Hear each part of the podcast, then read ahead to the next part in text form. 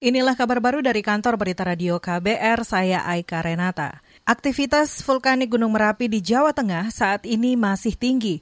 Sekira pukul 10 pagi tadi terjadi awan panas guguran dengan jarak luncur 2000 meter ke arah barat daya Hulu Kali Kerasak Boyong.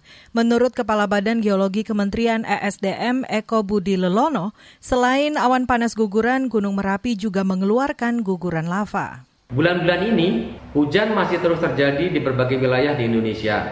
Untuk itu, masyarakat perlu mewaspadai bahaya lahar, terutama saat terjadi hujan di puncak Gunung Merapi. Masyarakat diimbau untuk menjauhi daerah bahaya, serta selalu mengikuti informasi aktivitas terkini dan rekomendasi dari BPPTKG, pemerintah daerah, dan BPBD setempat. Badan Geologi Kementerian ESDM merekomendasikan penambangan di alur sungai-sungai yang berhulu di Gunung Merapi dalam kawasan rawan bencana atau KRB 3 dihentikan. Sedangkan pelaku wisata direkomendasikan tidak melakukan kegiatan pada daerah potensi bahaya dan bukaan kawah sejauh 5 km dari puncak Gunung Merapi.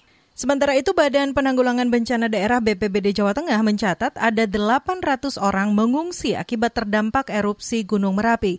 Pelaksana tugas BPBD Jawa Tengah, Safrudin, menjelaskan warga yang mengungsi berasal dari tiga kabupaten awan panasnya kan ke arah barat daya. Jadi di hulu Sungai Boyong, jadi di perbatasan antara Jawa Tengah, Magelang dengan Sleman. Pengungsi di Magelang sekarang hanya tinggal dari satu desa, desa Paten. Di Klaten dari desa Balerante ada 227 dan di Tegal Mulia 102. Dari Boyolali itu ada 288. Selain warga, ada lebih dari 100 hewan ternak dari Kabupaten Klaten yang telah dievakuasi.